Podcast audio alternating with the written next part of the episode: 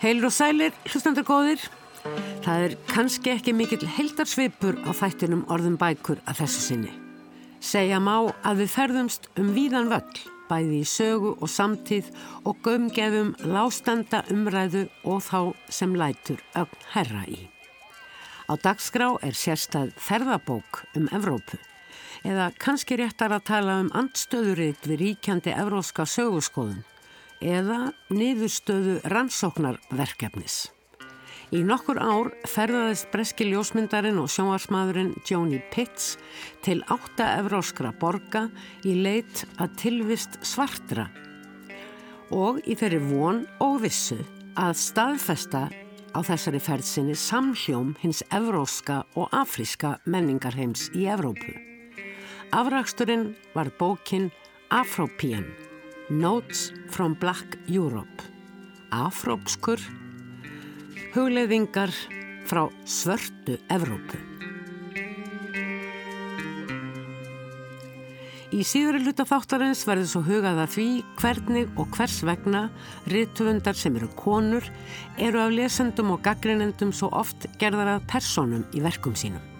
Anna-Maria Bjöstóttir, bókmyndafræðingur, fær til sín skaldkonurnar Auði Jónsdóttur, Efurún Snoradóttur og Fríðu Ísberg til að ræða um personur og leikendur, satt og logið í ljóðum og skáldsjóðum. Við byrjum hins vegar á svo litlu framhaldi frá síðasta fætti.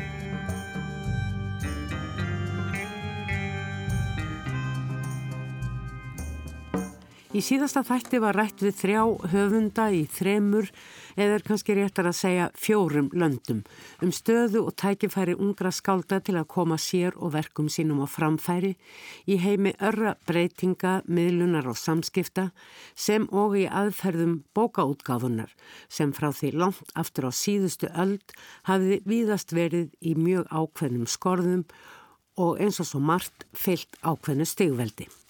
Vissulega hafa líka alls konar hliðarslóðir verið tróðnar eins og eigin útgáða höfunda sem ymist í hópum eða einir síns liðs hafa komið bókinni og eða bókunum sem ekkert rótgróði fyrirtæki vildi taka upp á arma sína á framfæri.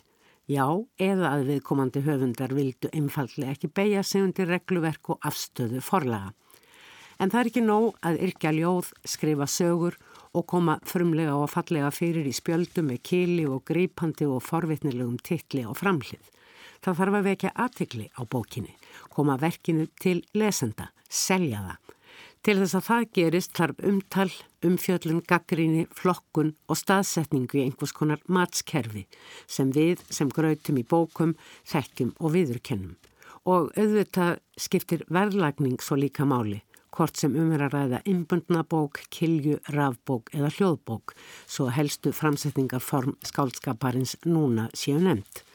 Vellagning og framsetningaform bókmyndana hafa nefnilega verið sterkara áhrifavald í bókmyndaheiminum en okkur kannski grunar, jafnvel beinlinis mótað skálskapin. Fram eftir síðustu öld komu skáldsögur gerðan fyrst fyrir augulesenda sem framhaldsögur í dagblöðum og tímaritum sem mótaði byggingu, sagnana og form.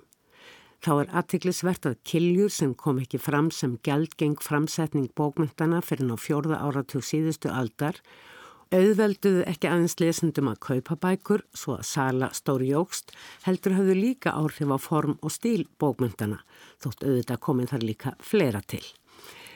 Einrið Kiljunir er gerðna rakin til þess að ungum breskum forleggjara Allen Lane að nafni hafi runni til rivja hvað bækur almennt væri ylla úr gardi gerðar og rán dýrar og hann í kjölfarið hafið að gefa út vel unnar Kiljur undir firmanafninu Penguin með byltingakendum áhrifum á bókamarkaðin ekki bara í Breitlandi. Penguin útgáðan fylgist svo síðar líka vel með nýju möguleikum tölvuteknunar og tók snemma að nýta sér möguleika alnetsins. Fyrirtækið var þannig þegar í byrjun tíunda áratugarins kom með heimasíðu til að kynna og síðan beinlýnis selja bækur sínar. Á þessari öll hefur svo samrunum Penguin við stór útgáfufyrirtæki Vestan, Ermasunds og Austan einkent starfsemina en meðal útgáfufyrirtækjana sem nú mynda Penguin eru Random House og Bertelsmann. Þessi vegferð er endar dæmigerð fyrir þróun bókaútgáfi í heiminum, einnig hér á landi eins og Haldur Guðmundsson skrifar skemmtilega snart um í nýju vorhefti skýrtnis undir yfirskriftinni Hljóðbók frá Rapsei umbreytingaskeið í íslenskri bókaútgáfi. Haldur rekur í greinsinni í stuttumáli hvernig íslenskur bókamarkaður þróaðist á síðustu öll, hvernig bókaklúpar steinlögðu slóðina til þess að undir lok sjönda áratugarins loks tókst að fá bókaþjóðina til að viðurkenna kiljur sem framsetningu raunverulegs skáldskapar á viðræðanlegu verði og þá um leið að bækur væri hægt að kaupa á öllum tímum árs og ekki bara til jólagjafa. Síðustu áratýr, síðustu aldar virðast, Samberg Reinhaldurs, hafa verið góðir tímar í bókaútgáf á Íslandi. Frá árunni 1975 til 1999 rúmlega tvöfaldaðist fjöldi útgefina titla á íslensku og velta útgáfu fyrirtækja jóks til muna.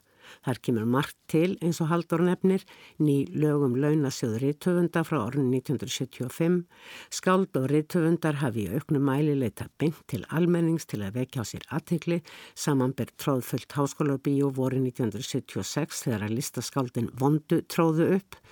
Íslenskar bækur, segir Haldur í greininu, leysa Alistair MacLean og Hammond Innes af í efstu sætu mettsölulistana, offsett prentun og tölvuvæðin gerir myndvistlu og prentun miklu afkvæmar en áður var, þá opnast fleiri leiður í bóksölu eins og farandsala, símsala, klúbasala, kiljóutgá og þarfram eftir göttum, tilvetnun líkur.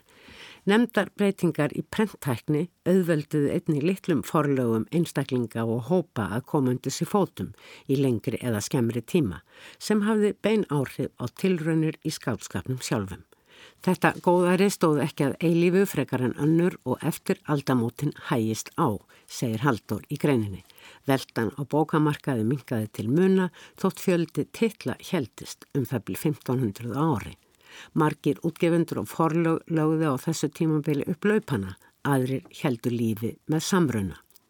Sem eins og áður kom fram var ekki sér Íslandst fyrirbæri, heldur var í byllandi gangi um allan heim, oftar en ekki þvert á landamæri og tungumál. Það þurfti einfallega stöðut fleiri bækur eða öllu heldur bóka titla til að halda lesendum við efnið og fá þá til að kaupa bækur. Metsölubækur urðu æg mikilvægari til að hægt var að standa undir tilrunakendari verkum, verkum nýra höfunda, verkum sem mörguð einhvers konar skil í skálskapnum, þessari einstöku samantækt og greiningu á lífinu og tilverunni. Bókunum fjölgaði með öðrum orðum og það þurfti að koma þeim fyrir á lagarum forlagana í heilum bókabúða á heimilunum og svo framvegis. Fyrstu við bröð voru að fjölga tittlum enn frekar, lifta undir bækur sem fólk væri solgið í að lesa eins og glæpasögur af ólíkum sortum sem og svo kallum fylgútbókum undir stöðugt nýjum flokkunartittlum. En því fleiri sem tillatni verða fjölgar bókunum í stykkjum talið. Endur prentunum fækkar og nú eru jáfnvel bækur sem gefnar voru út fyrir fimm árum ófáanlegar sem prentaðar bækur ekki lengur á markaði. Þessar aðstæður nýtti bókariðsin Amazon sér í upphafi veldisins og einbeitti sér til að byrja með að þegar útgefnum verkum sem ekki voru lengur fáanleg en þóttu líklega til að seljast ef rétt vera á málum haldið. Amazon þróaði margvíslegar aðferðir til að selja sem mest og dreifa bókum og sínum snærum sem víðast. Árangusríkasta trikki var líklega það að auglýsa, auðvitað á netinu, ákveðna bók og segja að þeim sem hefði líka þessi frábæra bók líkaði einnig við þessar bækur sem hér á heimasíðu Amazon væri hægt að kaupa fyrir lítinn pening með því aðeins að klikka á hnappin. Fljótlega var svo Amazon komið alls konar flokka bóka til að auðvelda lesendum að velja sér nýja bók til kaups á netinu auk þess sem fyrirtækið opnaði snemma vettvang fyrir höfunda til að gefa út sjálfur og kynna síðan og dreifa verkum sínum í gegnum Amazon eins og íslenskiri töfundurinn Alda Sigmundsdóttir gerði og sagði frá í síðasta þætti. Sem sagt, tölvuteknin, alnetið, samskiptamiðlar var það sem koma skildi í bókaútgáðu. Útgefundur tók að þreyfa fyrir sér með rafræna framsetningu bóka. Til að byrja með var flókið að tryggja að hvert eintak af bók heldi áfram að vera eintak sem í sölu og dreifingu gæfi af sér það sem þurfti til að greiða fyrir höfundarétt utanum hald og tilurð alla. Einnig á því sviði virði sem Amazon hafi í byrjun á ákveðnum forskoti með sinn kindil. Almenn bókaútgáfa fór hins vegar hægt í rafbókarsakirnar hvað skálskap og almennar bókmyndir varðar og í dag er rafbókin alla jafna hliðarform við hennar prentuðu bók en ekki sjálfstætt form að því að ég fæ best séð. Líklega hefur tækni rafbókarina nýst best á sviði náms og fræðibóka. Hljóðbókin var þins vegar stóra byltingin og hefur stöðugt sótt í sig veðrið.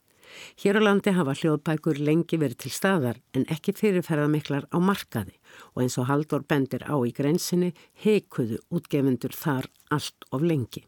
Svo kom streymisveitan Storytel fyrir fjórum árum og hefur sannarlega haslað sér góðan völl með ótal eldri og illfáanlegum verkum en einnig splungu nýjum.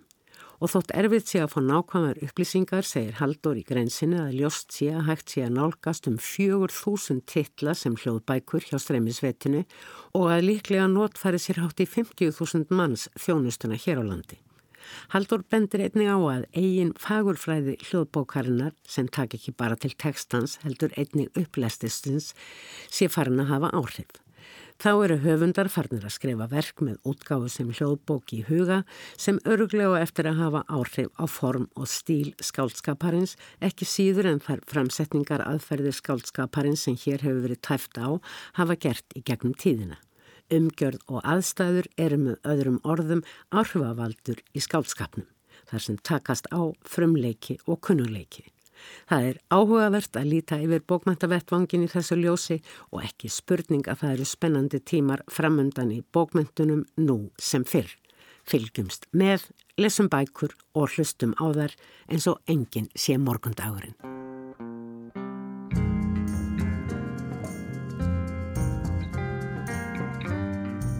Það er mikið rætt um flóttamenn sem á oft langri og sársökafullir nöðungarferð hafa náð einhvers konar fótfestu hér á Íslandi en á nú að vísa burt, sent og um síður. Aðrir eru hefnari og fá svo kallaða efnislega meðferð sem gefur vonum að fá viðurkent dvalar og atvinnuleifi hér á landi. Stundum rætist svo ósk, en hvað tekur þá við? Hvernig hafast þau við sem fá leifi til að setjast að hér á landi? Og hvernig gengur þeim að aðlagast íslensku samfélagi og viðhalda jafnframt tengslum við rætur eigin menningar. Og hvernig gengur okkur hvita vikingasamfélaginu að lagast að þeim? Miljónir hafa í gegnum ár og aldir mátt takast á við þetta sama á ólíkum stöðum á jarðarkringlunni. Og hreint ótrúlegt að okkur skuli enn ekki hafa lærst að umgangast hvert annað á jafnréttis grundvelli með virðingu og jafnvel að forvitni gagvart framandi ásynd samanborið við okkar kvítleitu og kristnu. En okkur kvítleitu og kristnu tóst í krafti einhvers að koma hlutunum þannig fyrir að við vorum leitt til aðsta sætis í heimi hér. Og þar með hefðum við ekki aðeins leiði heldur nánast á skildu að líta niður á allt og öll sem ekki væru eins og við sjálf og það sem meira er bynlinis undirokað þetta fólk til þjónustu við okkur. Hey mister, see that sister, don't you let her drill you.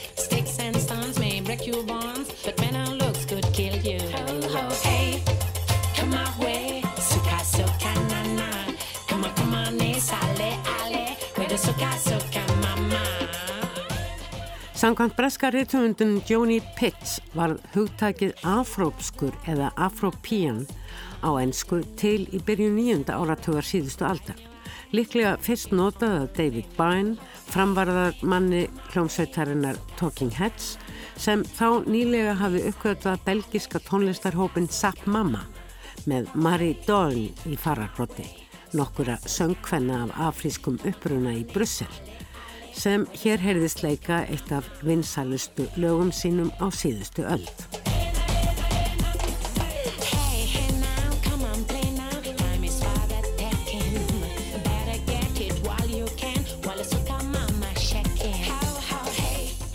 Bæn hreifst að þessu kvennabandi og bauðst til að gerast vildarmadur hópsins og aðstóða með að ná frama í bandaríkunum. Sjálfur kynntist Jóni Pitts þessari tegun tónlistari gegnum aðrar hljómsveitir sem líkt á Marie Doln og Sappmömmurnar náðu að bræða saman afríska ritma og evroamrist pop svo til vinsælda fjalli.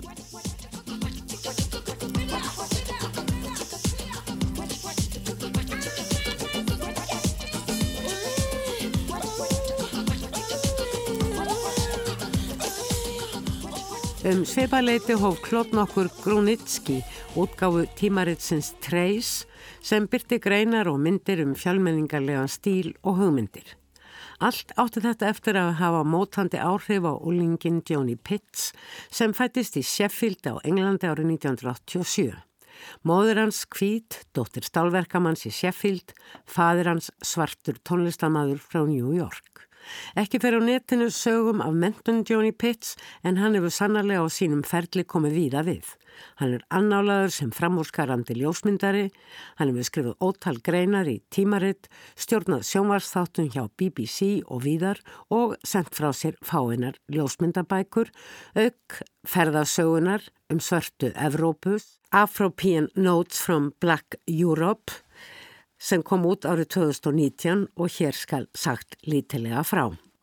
Afropean Notes from Black Europe er mikill dóðrándur, telur vel á 1500 blaðsýður og segir frá viðfæðmu og viðamiklu rannsóknarverkefni þar sem Joni Pitts ferðast á eins ódýran máta og hann gat og með takmörkuðum stöðningi til átta ólíkra evróskra borga og leitaði þar uppi samfélug svartra. Á heimasíðu sinni lýsir hann þessu verkefni. I always think of this quote by Frans Fanon who said that Europe had woven him out of a thousand details, anecdotes and stories. Ég hugsa oft, segir Jóni Pitts, til orða Frans Fanons um að Evrópa sé í raun ofinn úr þúsund smáatriðum, bröndurum og sögum. Þessi orðvöktu áhuga minn á því að búa til bók þar sem svört reynsla þessa vefnaðar Evrópu yrði sínileg.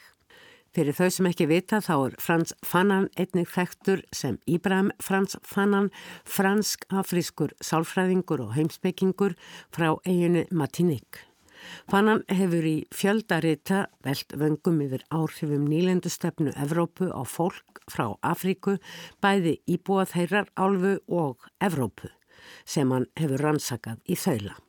Þrátt fyrir að Fanon hafi ekki náð færtugu þegar hann lést árið 1961, náði hann að senda frá sér fjöldabóka sem á síðustu öld hafðu mikil áhrif á ferelsisbaróttu frumbyggja, gagvart nýlenduherrum víða um heim og ef markam á bók Joni Pitts gætir þeirra áhrifa enn. When I first thought about writing this book I noticed that there was nothing online about the sort of black European experience. So I kind of almost wanted to travel almost as a tourist, like where would I go in Brussels to find the African community? And there was very little online. So I set up Þegar ég fór að hugsa um bókina sem ég vildi skrifa, seg Johnny Pitts enn fremur á heimasíðinni, var mér ljóst að ég varði að leita svarta fólkið í Evrópu uppi, í raun eins og ferðamæður.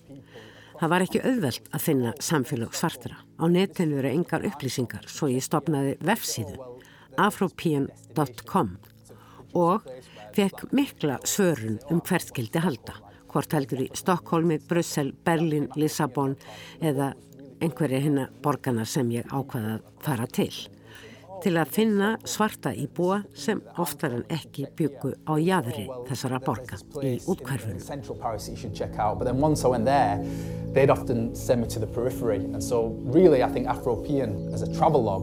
Was a journey through Europe's peripheries, places that aren't included in the travel guides for those places. Með vefnum afropean.com þróað svo hugmynd, saði Joni Pitts líka, að það var hægt að koma á samtali millir allra þessara samfélaga svartra í Evrópu þótt engin personana hittist augliti til auglitis og svo verðist hafa orði raun því vefsíðan leiðir enn og þar má finna upplýsingar um margvíslega virkni svartra viðsvegar í Evrópu, mest þó í Englandi en það síðan tengt breska dagblæðinu The Guardian. Á heimasíðu sinni minnir Johnny Pitt á að mynd svartra utan Afríku sé í Evrópu mótuð af sögu þeirra í bandaríkunum. Ekki síst frelsesbaráttu þeirra þar. Allir vita til dæmis hver Martin Luther King er. En svo saga er aðeins einn af fjölmörgum sögum svartra utan Afríku. The African American experience has been woven into the the mythology of America at large, you know. Um, everybody knows who Martin Luther King is, you know. The, the Afro-European experience, there's never been a civil rights movement in Europe. Afro-evróska samfélagið hefur aldrei tengst borgarlegum réttindum eða samstöðu. Það sem tengir okkur, segir Joey Pitts, er nýlendusagan og í öllum samfélagum svartra er baráttan við óréttlæti nýlendustefnunar enn í gangi. Svo sagur ekki fortíð, heldur er hann allt umkring þótt byrtingaformin hafi breyst. So there are all these hierarchies embedded in Europe that I feel like the black communities are kind of grappling with. And I think that's the one thing that really connected uh, the black experience in Europe. Í ingangi bókarinnar Afróskur, ferðalagum svörtu Evrópu, segir Pitts að í upphafi hafa hann verið staðræðan í að leita uppi hópa svartra sem hefði tekist að ráða sjálfur eigin lífi. Tekist að hasla sér völl í tónlist og tísku og finna síðan áhrif þess arna í samfélugunum og jæðrinum. Ég sá fyrir mér fallega myndabók með tilfallandi fílgút textabrótum sem fullkomluðu myndaseríunar.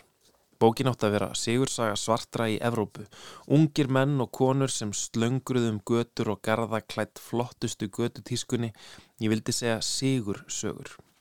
Svo var Pitts einhverju sinni statur í frumskóinum í Calais, en frumskóurinn, eða djungel, er það hverfi í franska Ermasundsbænum Calais, þar sem inflytjandum og flóttafólki er hrúað niður.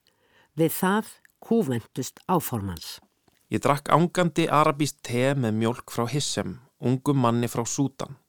Hann hafi búið í frumskóginum í tíu mánuði og helt úti ótrúlega vel skipulöðum kaffihúsum í nokkrum spýtnaskúrum. Hann sagði mér að hann hefði mist allt. Engin úr fjölskyldans var lengur á lífi og hann var heldtekin af hræðilegum minningum um það sem gerst hafði og ótaðist hvað framtíðin bæri í skauti sér. Hann væri fastur í eins konar neti, svífandi á milli Afríku og Evrópu, milli heimahaga og hins óþekta. Áður en ég kvatti Hissem í spýtnakofunum sínum, sæði hann að ég ætti að skrifa sögans, sögum lífið í frumskójunum. Þessi bón kom illa við mig. Hissem var klár, velmáli farin og mentaður. Var ekki nærtakar að hann skrifaði sjálfur sögu sína. Ég geti kannski hjálpað hann um að koma slíkri sögu á framfæri, byrt hann á vefsíðuminni. Sjálfur vissi ég ekkert um þann hrylling að horfa upp á lífið mörkaður vinumanns og fjölskyldu, það að flýja undan stríði, fela sig í gámi á illa útbúnum bát, sigla yfir hafið og finna sér skjól í spýtnabrags húskofum, opnum fyrir vindi og veðrum í útnára í norður Fraklandi. Sigurgöngu sagans sem skildi sögði fallegu ljósmyndabókinni sem Jóni Pitts ætlaði að búa til reyndist með öðrum orðum einfallega ekki til og Johnny Pitts skrifaði allt aðra bók, nefnilega bókina Afropean Notes from Black Europe, sem eins og áður sagði byggir á ferðum hans til átta stórborga í Evrópu, flestra reyndar höfuborga. Í þessum borgum leitaði Pitts uppi svört samfélög, rætti við fólkið þar og kynnti sér aðstæður þess. Hver borg fær sinnkabla í bókinni sem eru hver öðrum ólíkir. Frásögnin er þó ávalt flæðandi og einleg og Jóni Pitts reynir aldrei að draga fjöður yfir það að hann er áhorfandi, heimildamaður um það sem hann segir frá. Þótt hann sé sjálfur svartur alin upp í fjölmenningarlegu verkamanna hverfi Sheffield þá er hann í forreitndastöðu. Einna fáum úr sínu hverfi sem ekki endaði sem eitulíði neytandi eða í fangelsi, nema hvortvekja væri. Firth heitir hverfi Pitts í Sheffield og er það gamal gróið hverfi aðflutts, það er ekki evrópsks vinnuafls, upphálega fyrir stáliðnaðin. En nú kannski fremur hverfi atvinnu, vonar og framtíðarleisis. Í löngum ingangi gerir Pitts grein fyrir ásetningi sínum að ná utanum þetta hugtak afrópskur, afrópían, sem er flókið, miklu flóknara en að gera grein fyrir hugtakinu evróskur. Sem á sér vandlega skorðaða og skráða sögu sem kendir í skólum, sínilega söpnum og undirliggjandi í bókmyndum og kvikmyndum. Í þessari ofinberu og alþektu sögu Evrópu er varla minnst á svart fólk, þótt lang flest Evrópuríki hafum aldur átt í nánum tengslum við Afríku. Evrópubúar fluttust til álfunar og öðugt. Þeir síðan nefndu oft nauðýr en hinnir af æfintira þrá eða í gróðavon. Jóni Pitts er í mun að grafa fram sögu svartra í Evrópu sem látin hefur verið falla í glemskunar dá og fólkinu sem tengist þessari sögu ítt út á jaðar borgarna í vonarsnauðar útkværar blokkinnar. Það er misjamt hversu vel Pitts tekst að vefa sögu svartra í Evrópu inn í hinn að viðteknu sögu álfunar í löngum og afar ólíkum frásögnum af dvölsinni í hinnum ymsu borgum Evrópu sem hann flettar saman við margvíslegar aðrar heimildir. Stundum örglar hann reyndar saman staðrendum um flettu sögulegra atbyrða eins og einhverjir gaggrinanda bókarinnar hafa benta á. Fyrst og síðast vekur þó aðtikli hversu erfitt það reynist Pitts að finna dæmi um sameiningu menningarheima kvítra og svartra Evrópabúa sem hann hafi verið svo vissum að væri til staðar. Í ótal samtölum og samveru með ólíklegasta fólki úr öllum kemum samfélagsins sem flest allt á rætur að reyka til Afríku, verðast dæmi um slíkt hvort heldur í myndlist, bókmentum eða tónlist yfirleitt aðeins ná að blómstra um skamma hríð, en fjarlægast síðan sinn upprunalega jarðveg þegar að markasöfl menningar yfirnaðarins komin í spilið þótt slíkt gerir viðkomandi listamennum auðvita betur kleift að lifa af listsinni. Það er ekki heiklum hend að gera nákvæma grein fyrir þessu að mörguleiti mikla brautriðjanda verki Jónis Pitts og sem Bernardín Evaristo, breskiri töfundurinn, segir ger breyta sín okkar á gamlu álfuna. Frásögnunir eins og áður sagði einleg og flæðandi og höfundurinn er aldrei að fela ásetning sinn um hvers hann leiti eða öllu heldur hvað hann vilji finna, nefnilega samhlóm þess besta sem menning og líkra kynþáttabýr yfir án þess að tengslim við viðkomandi uppruna hafi rofnað. Við einstaka aðstæðu sér hann vissulega leiftur þessa en svo tekur daglega lífið við sem oftar en ekki er mesti barningur. Það getur rugglamann talsvert í rýmunu að lesa bók þar sem svo margt sem maður hafi álitið vera einfardlega með þeim hætti sem staðhæft er í bókum og viðtekinni vittneskju er í raun allt öðruvísi. Við veljum nefnilega úr hvað við sjáum í umhverfunu þar sem við erum stödd hverju sinni og oftar en ekki þykjur okkur þægilegra meira slakandi og skemmtilegra að sjá líf okkar staðfest sem það eina rétta en að horfast í augu við augranirnar og spyrja spurninga. Ganga fram af einlegri forvitni, gagvart náunga okkar þóttan líti aðeins öðruvísi út en við. Bók ljósmyndarans, sjómars og bladamannsins Joni Pitts, Afropean Notes from Black Europe afrópskur á ferð um Evrópu hennar svörtu er því þrátt fyrir lengdina og kannski ymsa agnúa heilsusamleg insýn í sögu og samtíð Evrópu sem hvergir að finna í litríkum ferðarleðsögubókunum.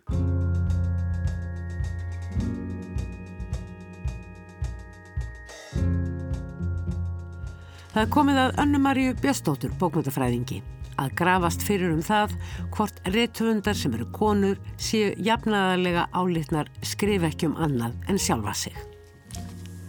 Fordómanir segja að skrif hvenna séu persónleg, náinn, ástrík og heimakær, líkt á hinn söður-ameríska Isabella Allende komst að orði eitt sinn. Lesendur hafa líka löngum gert ráð fyrir að skálskapur hvenna sem byggður algjörlega á lífi höfundarins, mun fremur en skálskapur Karla og fá þar oft spurningar á borð við Er þetta ekki bara þú? Þegar um hreinan uppspuna er að ræða. Ég rætti við þar í auði Jónsdóttur, Efirún Snorradóttur og Fríðu Ísberg riftöfunda um þeirra reynslu þegar kemur að viðtökum lesenda og hver þeirra skoðun er á þessu máli. Í dag ætlum við að ræða sagt, um skálskap hvenna og, og viðtökur þeirra í samfélaginu og í rauninni þá mýtu að konu skrifi einingis sjálfsæðusögulega og þess vegna langar mér kannski bara til þess að byrja á því að spyrja hvort að þið hafi upplegað þetta sjálfur að fólk gerir áfyrir að skálskapur ykkar sé byggður á eigin upplifunum þegar hann er það ekki kannski byrjum bara á efu. Já, ég skrifa oftast út frá mínum raunveruleika mm -hmm. að mhm. einhverju leiti. Þannig að ég hef kannski ekki beint upplifað að, að hann sé það ekki, hérna, já, mér finnst meira bara svona mjög forvitnilegt hvernig, sko, mér finnst oft svona eins og bækuna mín að sé ekki alveg, eða sérstaklega síðasta sem var svona meira í ætt við skáldsögu, að það var svona daldi áhugavert hvernig uh, hún er metin út frá skáld svona sem einhvers konar einhver hugmyndin um einhver svona hreitn og tær skáldskapur. Það er svo lítið rínt í bara hvað þetta er og kannski líka því að hérna ég upplifði svolítið mikið svona eins og það sé svolítið munur að því þegar hérna konur og þá hins einn konur því að það er svolítið mikið svona lesbismi í þessari bók. Og já, óskilamunir heitir hún. Og svona ég upplöði svona að það væri svona alltaf mikið prívat þegar hérna lesbíja skrifar um hérna erfileika í, í hjónabandi eða þú veist kynlífi eða eitthvað svona að þá, þá var svona svolítið forvitinlegt að sjá að það þóttir svona prívat því að þú veist þetta er ekki æfisa heldur er þetta skálskapur sem að er unnin upp úr hérna lífi. En þetta er samt alltaf skálskapur en það, þú veist, ég held að þegar menn skrifir svo leiðis þá er það ekki prívat og kannski ekki heldur gagginaða konur, allavega ekki jafn mikið. Þannig að það var svona mjög mikið um viðtökunar sem ég fannst mjög forvittnilegt Já, fannst þið þá eins og þurftir að réttlæta að þetta væri þá skálskapur að jafn gildur og gagginera eða karla eða Já, já, mér fannst bara þú veist, og mér finnst þetta bæði með mínabók og bara mjög margar aðra bækur sko, mér finnst svona eins og að sé einhver svona, þú veist, þetta er einhver svona kerfisleg skekkja í bara, í svona viðþorfum og hvernig við lítum á, á bækur og, og svona, mér fannst ekki hort á bara formið, þú veist, hva, hvað þetta er og þú veist svona, ég man eftir einhverju umfjöllun, það var nú reyndar ekki mína bók en það var eitthvað svona, hérna, já, þessi jól eru svo, eru svo margir að skrifa um sjálfa sig. Þú veist eins og það sé bara eitthvað svona sem er bara sett í eina vitið hvað ég meina, þú veist það er svona að skrifa út frá sjálfum sér er bara aðferð sem að kallar á mjög mörg mismunandi form og, og hérna kannski tengist þetta líka því að að uh, náttúrulega konur lifa í karlægum heimi og hins einn konur lifa í karlægum heimi sem er líka heteronormatífur og við þurfum að navigata okkur í gegnum raunveruleikan sem að er skálskapur veist. og við erum meiri svona ókunnug í þessu heldur en kannski karlmaðurinn og þá, þá er þú veist, er það bara já, okkar aðferð kannski meira allavega mín Umvitt, en eins og með þig frið, þú sagðir að þér finnst þegar silúetta personunar svipar til í höfundar þá eiga lesendur til að tengja við höfundin sjálfan. Mhm. Hvernig mm. finnst þið það? Já, það er akkurat, ég held að við gerum alveg seg um þetta þegar við lesum bækur sem að það sem að það er einn aðalkarakter oft kannski saður í fyrstu personu.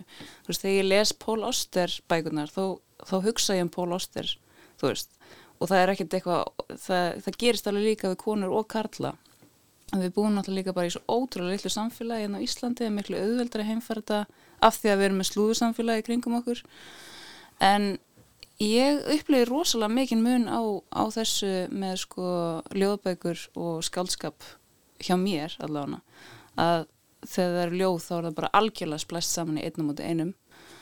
En ég kannski var svolítið svona heppin með fjarlæðin að gera að vera með sko margrata bækur. Fyrst smásansapn og síðan skáldsögur sem með fjóra kartera þannig að það er einhvern veginn ekki jafn mikið verið að klína karterinn mínum á mig. En ég hef samt vissulega lendið í að að svona karakter eru kláða til dæmis að, að fólk, þú veist bara eitthvað svona, já ég róðnaði bara þegar ég las kynlýsatriðin þegar ég bara ímdaði með þig og manniðin, þú veist og ég eitthvað já, það er ekki alveg þú veist, og þannig ég fæ vissulega þessar spurningar bara, hérna er þetta þið, eða er þetta þú þú veist, eh, stundum segir fólk bara, já, þú ferndist í gráskirkju nei, það var karferinn minn þannig að það er svona, þetta er alveg pyrrandi Já.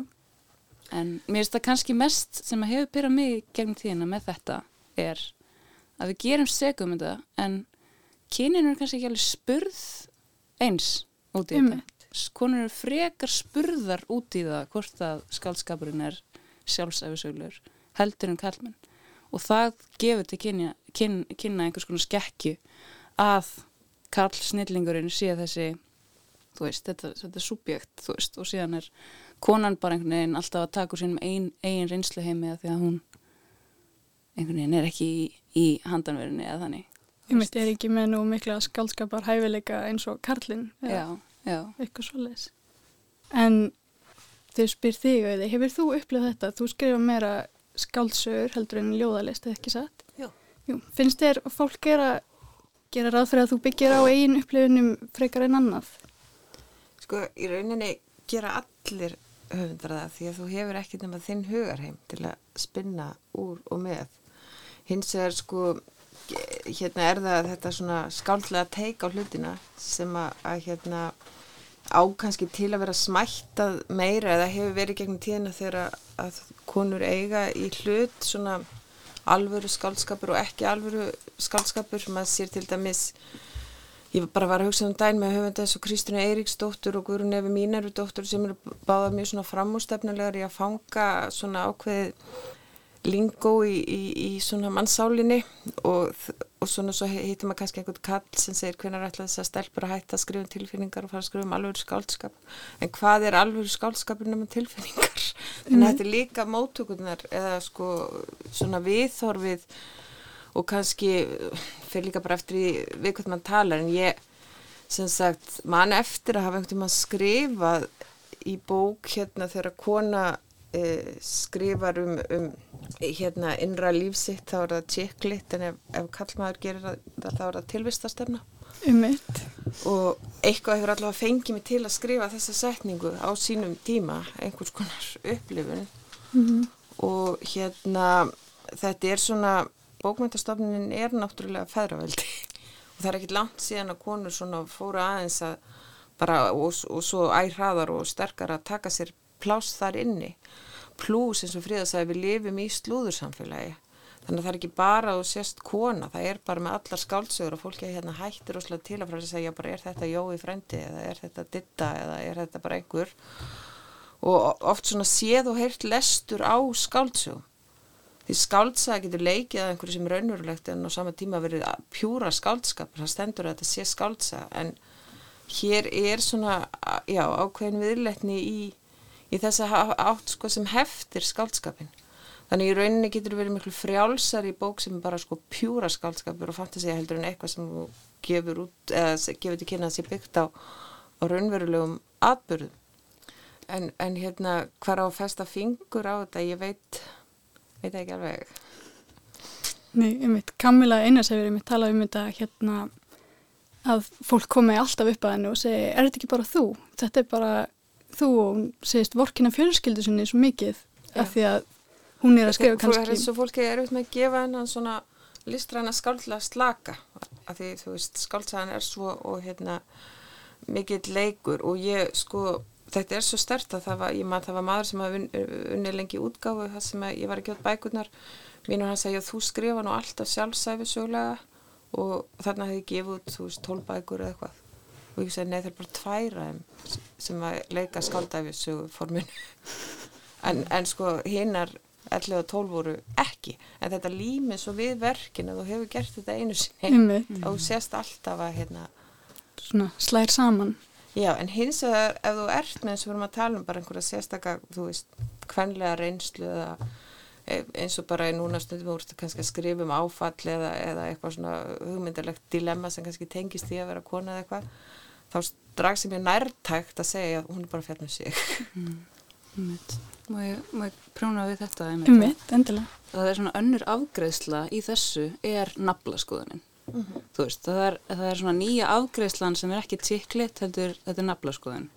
Og það er kannski ríkara í kvennabókmyndum að fara svolítið inn á við. Og ég elska þannig bækur, þú veist. Og líka með margi kalla nefnilega. Já, Og, en, þú veist, en síðan er það, þú veist, ég held að þetta sé fjarlægðin sem að hraði e, frásagnar og framvindu hefur og þú veist, og það er þessi, þessi bandariska skaldsa sem er með þessa miklu frásögna sem að karakter er bara að fara frá A til B til D til C, þú veist, að ég fætti Mm -hmm.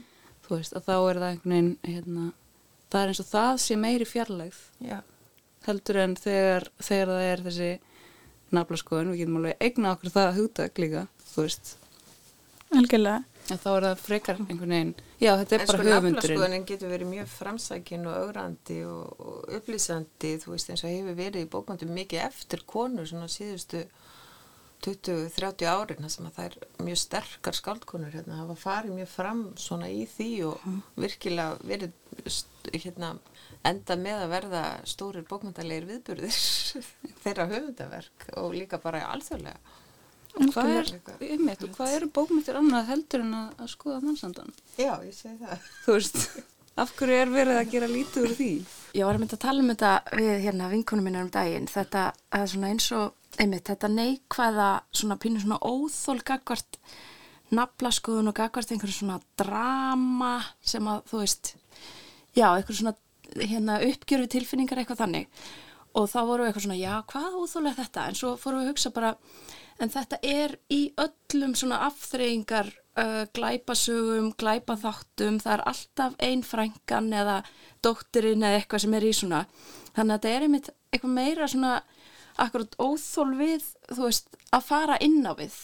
Þetta er eitthvað svona, þú veist, það er bara sama umfyllunarefni í raunni nema kannski í bókum samtíma hvernig núna er bara, þú veist, svo mikið verið bara, þú veist, þessi að hafna þessu eins og þú varst að tala um, þú veist, einhverjum svona vissum bókmynda aðferðum sem að eru, þú veist, feðraveldi Ég. og það er svo mikið power í því að hafna þeim og skrifa þetta, þú veist, beint út, koma með þetta bara svona umbúðalöst og það mætir einhverju svona, En það Nefnum. er alls sko bara líka svona setninga sem að við sagðum einhvern tíðin, ég mann að unga skrifa og sagt fyrir mig, passaði bara að fara ekki að skrifa með píkun á þér og hérna um var sagt hún hvenær ætlar að skrifa evróska skáldsögu? Veist, en, en veist, þannig að þetta loðir alltaf við svolítið svona einhverja hugmyndir fólks um hvað skáld, en skáldskapur eigi að vera. En, en nútíma skáldskapur er bara allavegana út um allt og allt má.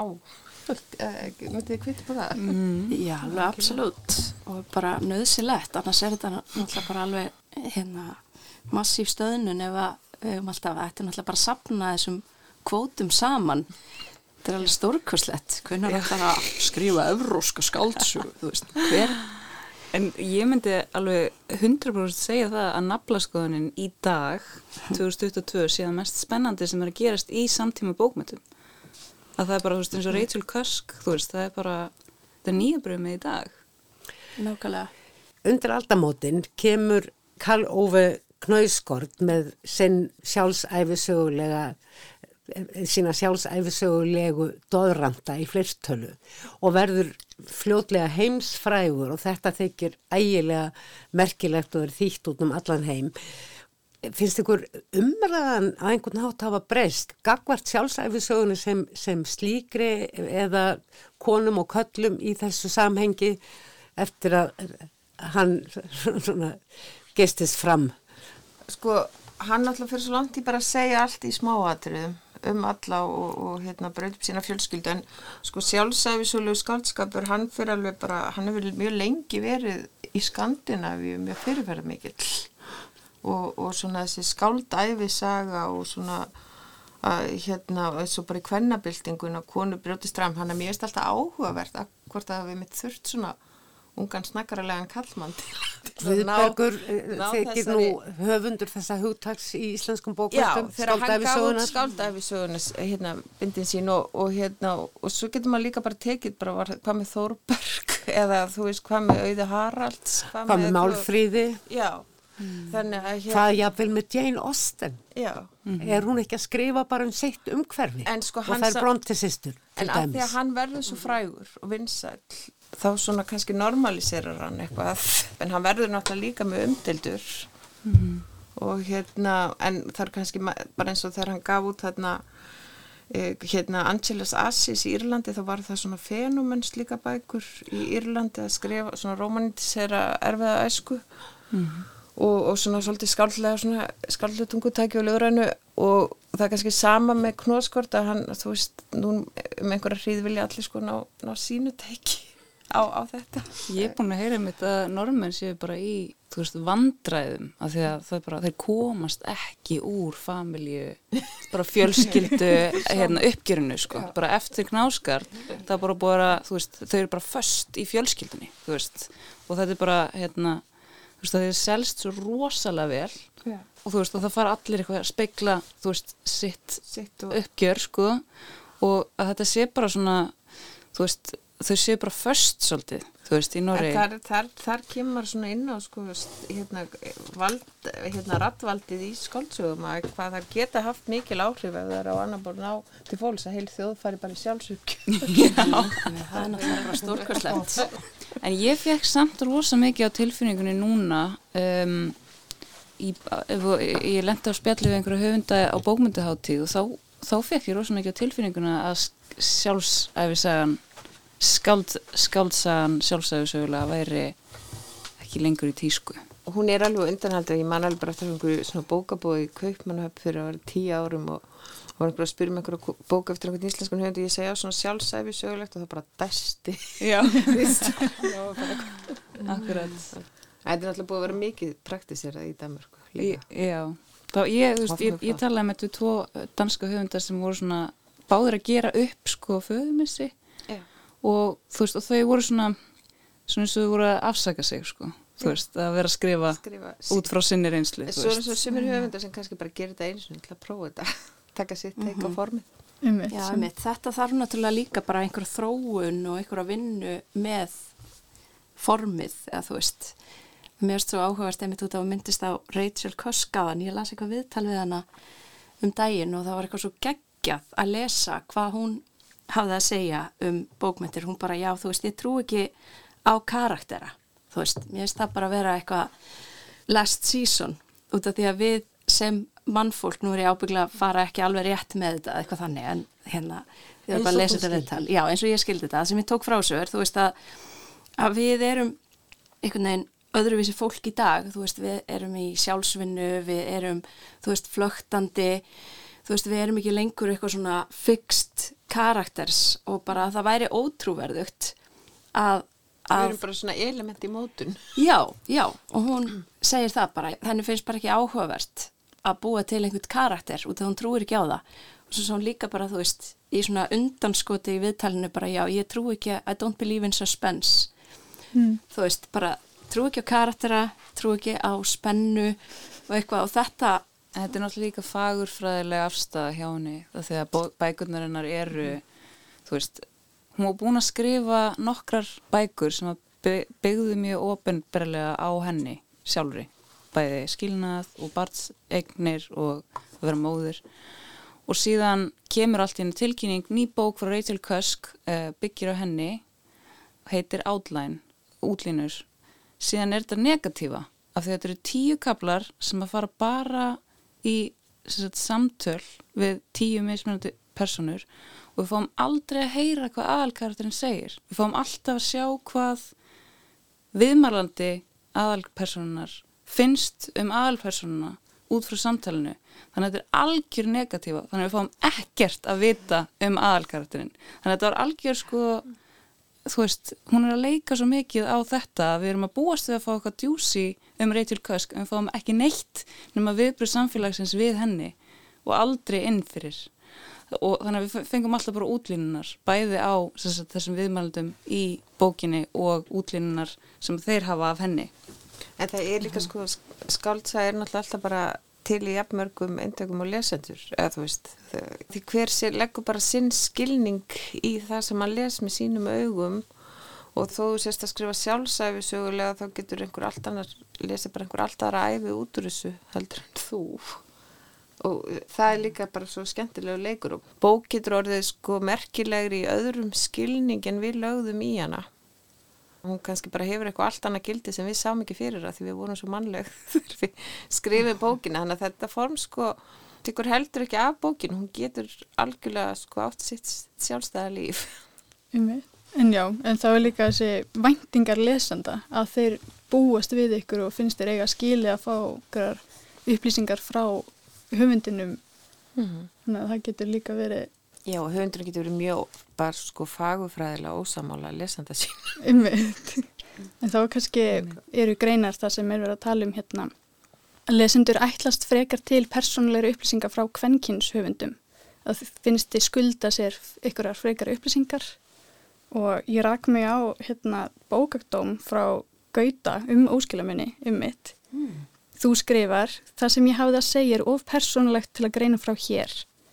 Og hann segir þetta sitt áldið löðrungur við lesendur.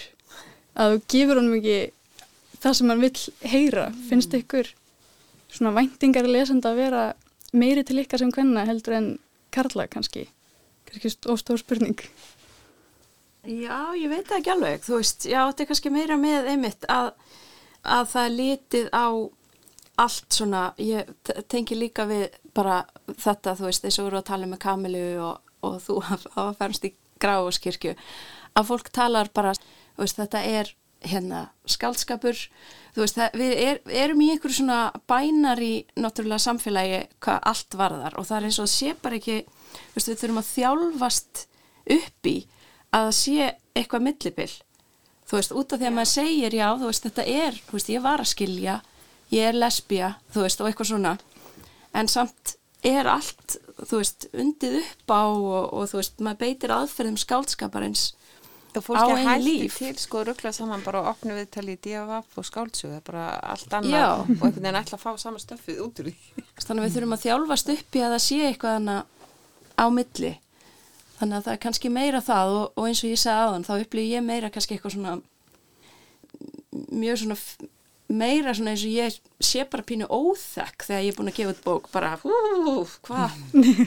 Nú alveg bara að ég sé bara bera alltaf torg einhvern veginn út af þessu, út af því að þetta er bara þú veist, eins og ég sé bara að byrta dagbókina mína sem er alveg svo rosa hérna, langur vegur frá þú veist, það er alltaf búið að vinna þetta jafn mikið á skaldsögu, eða þú veist. Einmitt, þetta er ekki bara hráar hugsanir. Nei, þú veist, beita aðferðum skálskaparins á þetta, setja eitthvað svona...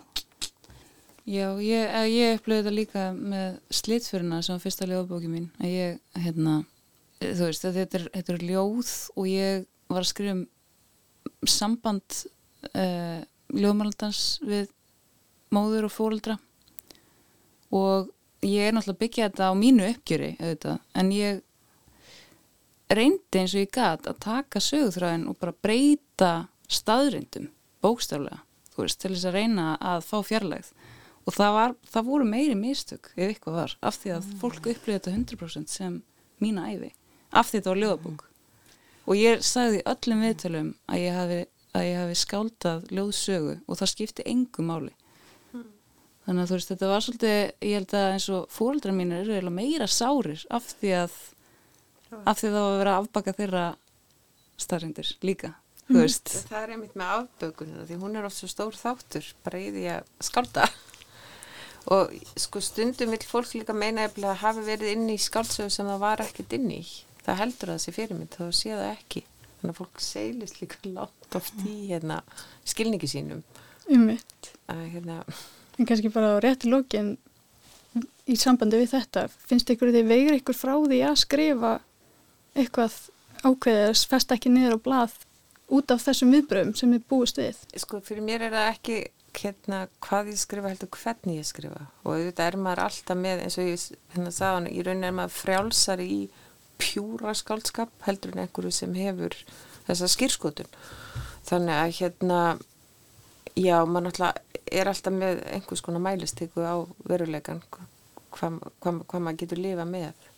Hverju maður getur lifa með þessu Já, ég, já, ég fæ bara út úr þessu að ég þarf að skrifa og ekki bara ég heldur það þurfa fleiri konur að skrifa um kynlíf, lesbína og hjónabandsöruleika og mér, mér finnst það bara svona það sem fólku upplifur svona of prívat þarf bara, ég er svona, mér finnst það þurfa meira af því. Þannig að ég mér finnst mikilvægt að, að uh, já, bara hvernig einmitt ef ég er að skrifa um eitthvað að að allir sem að einhverju leiti eru einhverju þræðir lesi áður og, og svo leis en hérna, já, nei, ég held að það sé bara mjög mikilvægt að þjálfast upp í þessu milli rými að geta tæklað raunveruleika okkar með verkvarum skálskaparins bara svo magnað. Mér finnst þetta svo góð lokaðarð ég held að þetta, þetta er bara bara takk kærlega fyrir að koma og ræða við mig um þetta. Já, takk fyrir að hérna.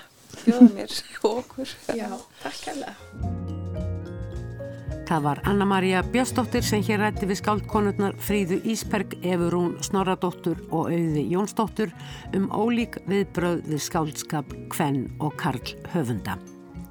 Fleiri verða orðum bækur ekki að þessu sinni, Georg Magnúsinni er þökkuð tæknileg aðstóð og ykkur hlustandur góðir er þökkuð samveran verði sæl.